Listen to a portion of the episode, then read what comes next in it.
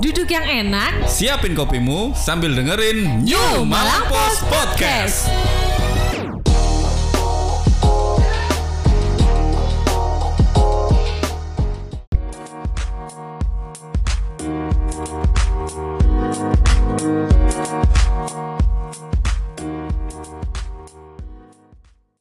Assalamualaikum. Jumpa lagi dengan New Malang Post Podcast. Bersama saya Bu Ari, wartawan New Malang Post. Alhamdulillah kita bisa jumpa lagi dengan tim New Malang Post Podcast. Kali ini kita akan ngobrol-ngobrol santai dengan seorang tokoh pengusaha muda dari desa tapi pengalamannya luar biasa bisnisnya juga luar biasa beliau pemilik rumah sakit dan rupanya sekarang juga menjadi mentor bisnis. Beliau adalah Pak Pugo. Wiji Pamungkas. Selamat siang Pak Pugo. Selamat siang Mbak Buari. ya siang ini kita ada di Rumah Sakit Umum Wajah Usada di kantornya beliau. Kita akan ngobrol-ngobrol santai tentang rumah sakit khususnya tentang Wajah Usada juga tentang bisnis yang digeluti Pak Pugo. Insya Allah. ini kita dapat informasi Pak Pugo bahwa rumah sakit ini ternyata kan dibangunnya oleh Pak Pugo sendiri ini Iya. kalau umumnya kan eh, rumah sakit itu ada banyak pemodal begitu, banyak milik orang. Yep. Ternyata ini Pak Bugo sendiri. Gimana Pak Bugo ceritanya rumah sakit ini Pak Bugo? Iya. Jadi terima kasih Pak Buari atas Iya. kesempatannya. Sangat berbahagia sekali eh, siang hari ini bisa secara mendadak ini kayaknya. Iya, iya, iya. Jadi kalau ditanyai orang tentang kilas balik rumah sakit Wajah Usada sebenarnya Iya. eh, berawal pada tahun 2011 Pak. Iya. 2011 itu setelah kesekian kali kita eh, apa namanya saya ya terutama Iya. itu eh, beberapa kali gagal dalam berbisnis kemudian memutuskan untuk memulai bisnis bidang kesehatan. Jadi Iya. waktu itu tahun 2011 kita membuka toko obat eh, di Wajak di pasar Wajak yang itu menjadi cikal bakal dari eh, apotek Wajak waktu itu. Nah ternyata berkembang dengan baik begitu.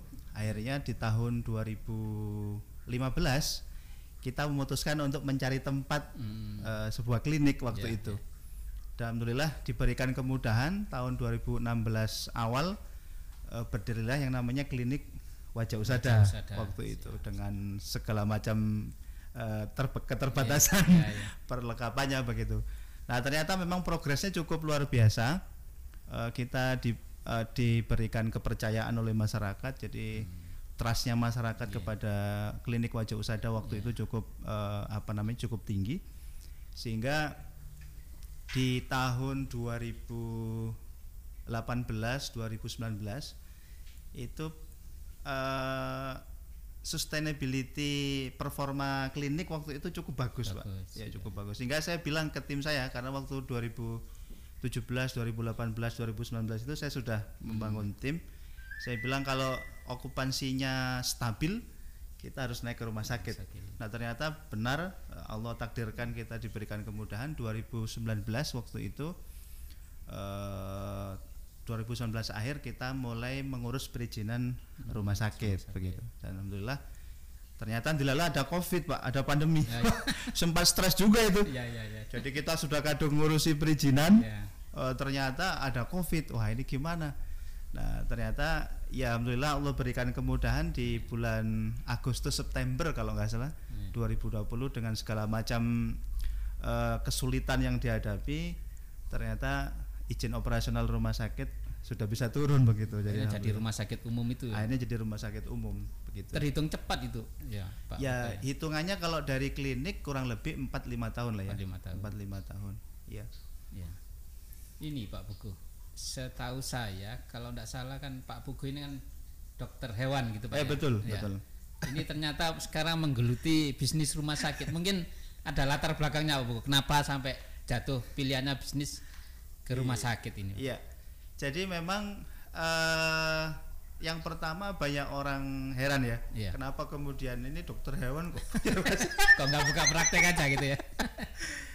Jadi begini Pak, eh saya ini terutama kan eh, mengawali bisnis itu kalau istilahnya yang populer sekarang itu dengan couple-planner. Ah, siap. Jadi membangun bisnis dengan pasangan, Pasangan, gitu, dengan betul, istri. Salah satu yang menyebabkan kita memutuskan untuk couple-planner itu adalah karena ya pada prinsipnya kita ini nggak bisa jauh-jauhan pak. ya, Begitu. ya, ya, ya.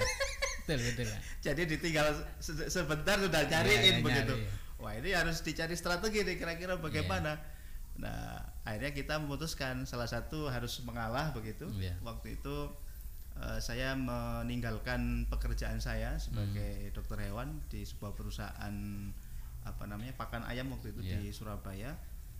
Akhirnya kita memutuskan untuk ya ya sudahlah kita Fokus mencoba di- untuk ya. di kesehatan Ya. begitu. Salah satu inspirasinya itu waktu itu begini pak, Hmm, saya bertemu dengan salah seorang teman di Singosari. ya, Teman ini tuh punya apotek. ya. Saya tanya, sama apoteker tak begitu? Iya. Bukan. saya ini sarjana teknik. Begitu. waduh. Loh, kok bisa sarjana teknik punya apotek, apotek. begitu? Akhirnya saya tertarik tuh pak. Iya. Tertarik untuk kemudian eh, apa namanya? Tertarik untuk kemudian Iya. tanya ke dia begitu, belajar Hmm. berminggu-minggu. Akhirnya saya diajari dan seterusnya. Itu Iya. kemudian yang kemarin salah satu yang menyebabkan eh, saya terinspirasi Hmm. oleh eh, teman saya itu begitu. Iya. Ini kira-kira masih ada lagi nggak ini mimpi-mimpi yang terkait bisnis di bidang ini Pak Bugo? Iya. Kalau ditanya tentang mimpi yang jelas eh, kita pasti akan terus ya. Eh, kita hari ini alhamdulillah sudah eh, memiliki beberapa jejaring Pak Buari. Iya. Jadi kita eh, rumah sakit sudah berdiri. Saya pikir saya sampaikan ke teman-teman di tim Iya. saya. Kita ini sekarang sudah rumah sakit dan sudah tidak bisa lagi mau jadi apa setelah rumah sakit. Kan. rumah sakit kan sudah mentok Iya, begitu. iya. Nah, yang yang kita lakukan sekarang kita membangun eh, apa namanya ekosistem bisnisnya. Bisnisnya. Jadi kita ada mengembangkan apotek, Ya. Kita ada mengembangkan klinik dan eh, apa namanya eh, di circle yang sama begitu Iya. di ekosistem yang sama. Ini kan bisnisnya kan sudah terhitung sukses lah, berjalan dengan Ya baik. masih timik-timik lah pak. Ya. Kira-kira menurut Pak Bugo orang yang paling berjasa dengan peran dan posisi Pak Bugo sekarang ini siapa Pak yang mungkin ingin disampaikan ucapan terima kasih lah gitu. Ya.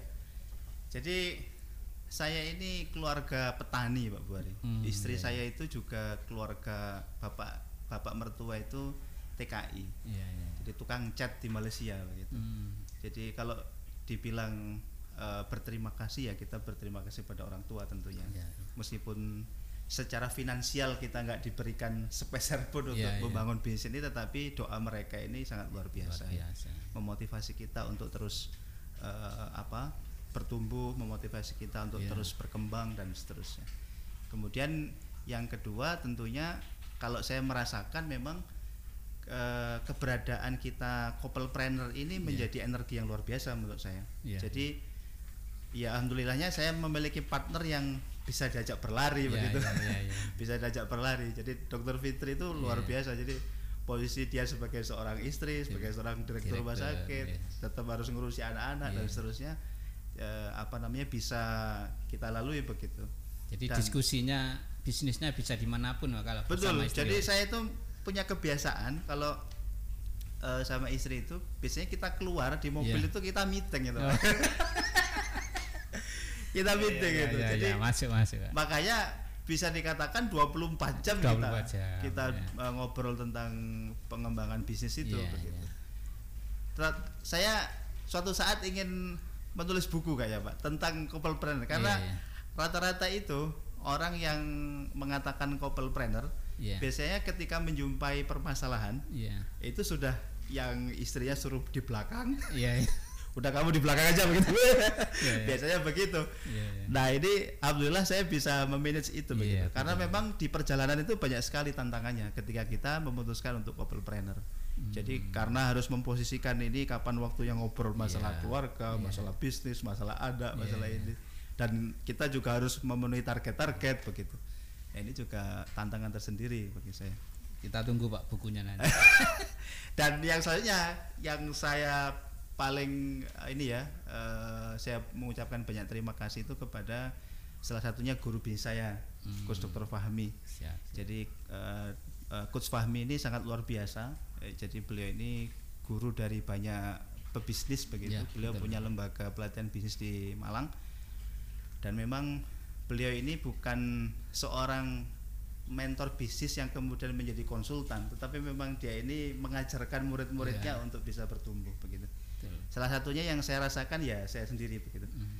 Jadi eh, sering sekali diberikan masukan-masukan, Iya. diberikan eh, insight-insight oleh beliau sehingga ya semangat ini terus kemudian eh, ada begitu Iya. untuk terus bertumbuh. Baik Pak Pugo. Saya melihat Pak Pugo ini juga area Vice President Genpro. Pak. Iya, betul. Mungkin bisa dijelaskan sedikit Pak ini bidang apa atau tentang apa gitu. Iya, jadi salah satu Pak, salah satu kalau kita mau bertumbuh Iya. dalam bisnis itu salah satunya kita itu harus berkomunitas. Betul. Ya, betul. berkomunitas itu salah satunya untuk menjaga ekosistem kita berada pada ekosistem pertumbuhan. Iya. Nah, ekosistem pertumbuhan itu salah satunya adalah organisasi kayak tadi itu kayak Genpro itu. Iya. Genpro itu global entrepreneur profesional. Jadi perkumpulan eh, para wirausahawan. Biasawan. Dia ada pengurus pusat, ada eh, wilayah, ada daerah begitu. Nah, kebetulan beberapa tahun yang lalu saya pengurus kabupaten. Hmm. eh, ketua kabupaten terus karena mungkin sudah lama begitu Iya. diminta untuk di wilayah Wilayah jadi tapal kuda, Pak. tapal kuda Iya. tapal kuda mulai Malang Raya sampai Banyuwangi, Banyuwangi. Oh, jadi beberapa kali eh, apa namanya kita melakukan aktivitas Hmm. di luar Malang yang terakhir kemarin di kota Pasuruan eh, apa namanya Hmm. kick off pendampingan bisnis untuk UMKM selama Iya. enam bulan yang dibuka oleh wali kota Pasuruan Gus Ibul Oh Gitu. itu ya, ya. Kalau yang Vice President Leadership Nusantara Gilang Gemilang itu Ya, apa? Nusantara Gilang Gemilang itu Ya. organisasi yang dibuat oleh eh, Coach Dr. Fahmi. Foundernya Ya. memang Oh, gitu jadi ya, untuk siap. mewadahi para alumni di apa namanya Grounded Business Coaching itu. Iya. Kalau secara secara hierarki ada sebenarnya organisasi alumni itu namanya Eminet ya. Hmm. Eh, tetapi lebih fokusnya ke pengayaan materi-materi pada saat eh, apa namanya pada saat training. Iya. Nah makanya Gus Wahmi membuat satu apa namanya satu saluran baru namanya Nusantara Gilang Gemilang yang di sana itu lebih pada implementasi Hmm. dari ilmu-ilmu yang disampaikan oleh beliau. Karena kan satu paket trainingnya beliau itu ada grounded business coaching, Iya. ada juga grounded leadership coaching. Hmm. Begitu ada GBC, ada GLC. Berarti Pak posisi Pak Bugo ini sudah sering jadi mentor bisnis gitu Pak. Atau sudah jadi motivator nasional ini? saya ini masih kecil lah. ya apa yang bisa saya lakukan saya lakukan lah kira-kira begitu. Iya, iya. Jadi memang saya merasakan sendiri ya. Jadi ketika ketika bertemu dengan orang terus kemudian banyak memberikan inspirasi itu sebuah energi tersendiri Pak bagi saya Iya, iya. untuk kemudian terus bertumbuh, termotivasi untuk terus Iya. bertumbuh begitu. Mungkin ada tips inilah untuk para pengusaha pemula ini, terutama yang mau memulai bisnis Pak Bugo. Ini Iya. kan seringnya kan maju mundur ini Pak. Maju Iya. mundur kayak undur-undur. Mungkin ada tips dari Pak Bugo lah gimana. Ini kan sudah selain praktisi juga sudah bisa menyampaikan ilmunya kan berarti kan Iya. sudah bisa memberi masukan gitu. Ya. Jadi kalau menurut saya, saya teringat oleh teorinya Carl Dweck ya, Iya. di di bukunya Mindset itu bahwa kalau kita mau bisa growth secara bagus Iya. dalam bisnis atau apa pun itu, itu syaratnya ada lima pak. Hmm. Yang pertama itu kita harus mencari tantangan, menyukai tantangan. Hmm. Kalau kita berbicara tentang bisnis, maka kita akan selalu berbicara tentang kita menjumpai tantangan-tantangan. Tantangan. Iya kan? Iya. Karena kita berada di zona growth zone, bukan comfort zone. Iya iya. ada. kalau comfort zone kan enak, Pak. Iya, ya kan? iya, iya. Pokoknya bulanan Iya. dapat. Iya. Tapi kalau growth zone penuh dengan ketidakpastian, ya. Penuh dengan sesuatu yang eh, unpredictable Iya, begitu. iya. Makanya salah satu eh, apa namanya kompetensi yang harus dimiliki kalau kita mau berbisnis ya kita harus suka dengan tantangan, Tantangan, Ya, iya. suka mencari tantangan, suka dengan tantangan. Nah kemudian yang kedua kita harus eh, bisa menaklukkan obstacle, rintangan. Rintangan. dengan kita mengambil tantangan itu kan pasti kita akan berjumpa dengan rintangan, Pak. Rintangan. Iya. Ya. Kalau kita menjadi seorang pebisnis, seorang pengusaha, tidak jarang atau bahkan sering sekali, pasti kita akan menjumpai eh, tembok besar Tembok. yang tebal, yang tinggi, yang tidak ada pintunya. Aduh, ini gimana ya begitu? itu pasti sering sekali, Iya, Pak. betul betul betul. Kita dituntut itu, ini lompat, ini kita jebol temboknya atau bagaimana? Balik kanan. atau balik begitu kan wah itu harus kita eh, memiliki kemampuan untuk Iya. eh, apa eh, menaklukkan rintangan itu Iya. nah kemudian yang ketiga yang harus dimiliki oleh seorang pebisnis atau seorang wirausaha adalah memahami bahwa tidak ada yang bisa menggantikan ke- kesuksesan itu kecuali kerja keras Hmm, betul. bahwa effort itu default pak Iya, iya, iya. lek kepingin sukses yo nyambut gawe sing soro Iya. Gak ada ceritanya kita duitnya banyak dengan anil-anil, Pak. Gak ada. Iya, Betul betul. Jadi memang effort itu default sudah. Iya. Jadi akan equal dengan kesuksesan yang kita miliki. Jadi effort. Kemudian yang keempat, criticism. Kata Hmm. Carol Dweck, criticism itu adalah kita suka dengan masukan-masukan, suka dengan Iya, kritik. Nah, ini terkadang juga menjadi penyakit, Pak Buan. Iya. Kadang kita baru bisnis begitu ya. Eh, kita bisnis kuliner misalkan jualan bakso. Hmm. Bakso saya kok gak laku-laku ya. Ternyata memang baksonya itu nggak enak, Pak. Gak enak. Iya iya. Nah, ketika dikasih masukan orang. Marah, ya. Nah, kalau saya Pak Bori, saya memang dari dulu tuh suka. Ini kurang gimana? Iya. Termasuk kayak sekarang ini juga saya sering teman-teman yang dari kota itu Iya. eh, ke- pas ke sini saya minta gimana tadi pegawai saya Hmm. begitu. Pelayanannya gimana, sambutannya gimana, satpam saya gimana begitu. Jadi suka mencari masukan. Nah, yang terakhir yang paling penting ini Iya. kalau kita mau menjadi pengusaha sukses adalah eh, success of others katanya Carol Dweck. Hmm. Kita belajar dari kesuksesannya orang lain. Betul. Jadi seneng sinau iki kok wong iki iso sukses ya. Ya apa caranya om gitu. Iya, Nah, itu juga yang sering saya lakukan. Hmm. Jadi saya juga seneng di ekosistemnya apa? Eh, Coach Fahmi itu Iya. salah satunya karena sering bertemu dengan orang-orang kayak gitu, Pak. Sukses ya. Ini kok bisa ya orang gini sukses ya? Hmm. Karena ternyata algoritma kesuksesannya itu sama, Pak. Sama. Sama, Hmm. begitu. Nah, yang terakhir, Pak, Ya. katanya si Angela Duckworth kalau kita mau sukses itu adalah kuncinya cuma dua. Eh, perseverance and passion for long term goal. Hmm. Perseverance itu tekun, Tekun. tekun, Mas. Ya. ya. Yang kedua, passion punya semangat. Tekun, semangat dalam jangka waktu yang lama, Lama. for long term goal. Jadi kira-kira itu aja, Pak. Iya, Terus iya. dibolak-balik di mana pun. Iya, Kalau orang sukses pasti Iya, yo iya. tekun, yo semangat, kerja keras. yo juga kerja dia. keras, yo seneng dikritik, yo belajar dari kesuksesan Iya, orang lain. Itu aja ada rumusnya. Oke. Kira-kira itu. Luar biasa pak. Ini mungkin nanti akan ada yang tanya gini kira. Gimana, Pak? Kalau saya mau magang sukses di Pak Pukul gimana caranya ini? Nah, ini pertanyaannya susah. Biar ketularan sukses. magang sukses ini Eh, jadi ya saya itu sering menyampaikan ya kalau ditanya orang ya sini mungkin kebetulan aja begitu tapi ya tadi itu pak nggak Iya. nggak ada yang bisa menggantikan saya sering sekali pak sama istri itu ya tadi itu ibarat Iya. kita berjalan itu menjumpai tembok yang tinggi Iya. yang tebal yang nggak ada pintunya Iya. ini bila kalau kita balik ya kita pecundang Iya. kita harus maju. Tapi gimana caranya kan Iya, begitu iya, ya kira-kira itu pak Oke, terima kasih Pak Buku. terima kasih pak biasa. Buhari nggih. Ini quote-quotesnya ini bisa diambil satu persatu nanti. Sekali lagi terima kasih Pak Buku. Semoga terima ini kasih. jadi masukan penting bagi kita teman-teman semua juga yang menikmati podcast New Malang Post. Kita akhiri dengan Pak Buku. Semoga banyak manfaatnya. Nggih. Dan jangan lupa ikuti podcast-podcast New Malang Post selanjutnya dengan tema-tema yang lebih menarik dan juga ikuti eh, YouTube New Malang Post Channel, TikTok New Malang Post, juga Instagram New Malang Post.id dan tentunya juga online New Malang Post.id dan tentunya juga koran New Malang Post asli korannya Arek Malang. Demikian, terima kasih. Saya akhiri. Assalamualaikum warahmatullahi wabarakatuh. Assalamualaikum warahmatullahi wabarakatuh terima kasih Terima kasih. Oke.